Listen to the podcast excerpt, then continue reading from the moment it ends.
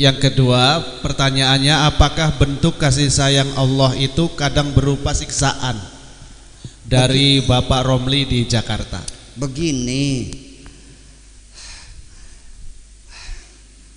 Allah itu Tuhan yang mencipta kita, betul nggak? Mana mungkin Tuhanmu tidak sayang? Ibu saja sama anak sayang nggak bu? Bayangkan dua tahun ibu nggak pernah tidur nyenyak, betul nggak? Nyebokin lagi oh, dua tahun di jalan dengan bahagia. Padahal ibu tidak pernah menciptakan kok, hanya numpang lewat kok. Betul nggak? Jangan mengatakan kamu itu luar dari perut saya. Jangan ini ibu kamu, jangan bilang begitu anakmu akan menjawab ibu juga tidak sengaja bikin saya kok. Jadi baru numpang lewat saja sudah sebesar itu cinta dan kasih sayangnya. Betul enggak apalagi Allah yang mencipta kita.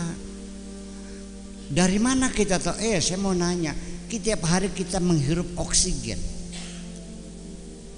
Pak dokter kalau kita napas nggak pakai oksigen apa yang terjadi? Teman saya napasnya sesak, orang oksigen. Kan oksigen kan dipompa oleh paru-paru, mengalir di darah. Betul enggak? Nah kalau kurang oksigen, apa enggak sesak napasnya? Dia bawa ke rumah sakit dua hari. Dia 10 ribu dolar bayarnya untuk oksigen buatan tuh. 10 ribu dolar berarti berapa? 150 juta ya. Betul nggak? Kita bernapas dari dulu sampai sekarang. Pak dokter umurnya berapa sekarang? Pernah bayar nggak? Masih nggak yakin juga Allah sayang. Dikasih mata beli berapa? Kredit tak kontan berapa harga matamu kalau saya kasih gunung emas mau nggak? Tapi matanya tak copot sama saya. Mau nggak? Jadi mahal mana gunung emas sama mata? Berapa bayarnya? Semuanya gratis. Tubuh kita bekerja siang malam semuanya makanan masuk digiling ada mesin katalis di sini. Vitamin A, vitamin B, vitamin C segala macam protein segala macam kolesterol gula diolah dan semuanya pakai sensor-sensor yang sangat otomatis. Betul Pak Dokter? Kalau gula cukup tetap menutup sendiri, dibuang jadi ampas. Kolesterol perlu sampai 160 80 tutup dari sisanya jadi ampas. Begitu kebocoran 350 klenger. Siapa yang bekerja? Kalau kita terima beres semuanya Allah yang mengerjakan semuanya. Masih kurang kasih sayang juga. Nah itu jadi makanya nanti begini. Ini menyangkut dengan percaya kepada takdir Tuhan ya. Betul enggak? Di situ dikatakan untuk minabil qadari khairihi wa syarihi jangan salah paham. Khairihi wa syarihi baik dan buruknya adalah dari Allah. Jadi kalau kita hmm, kaya dari siapa kayaknya? Kalau kita miskin, siapa yang menentukan?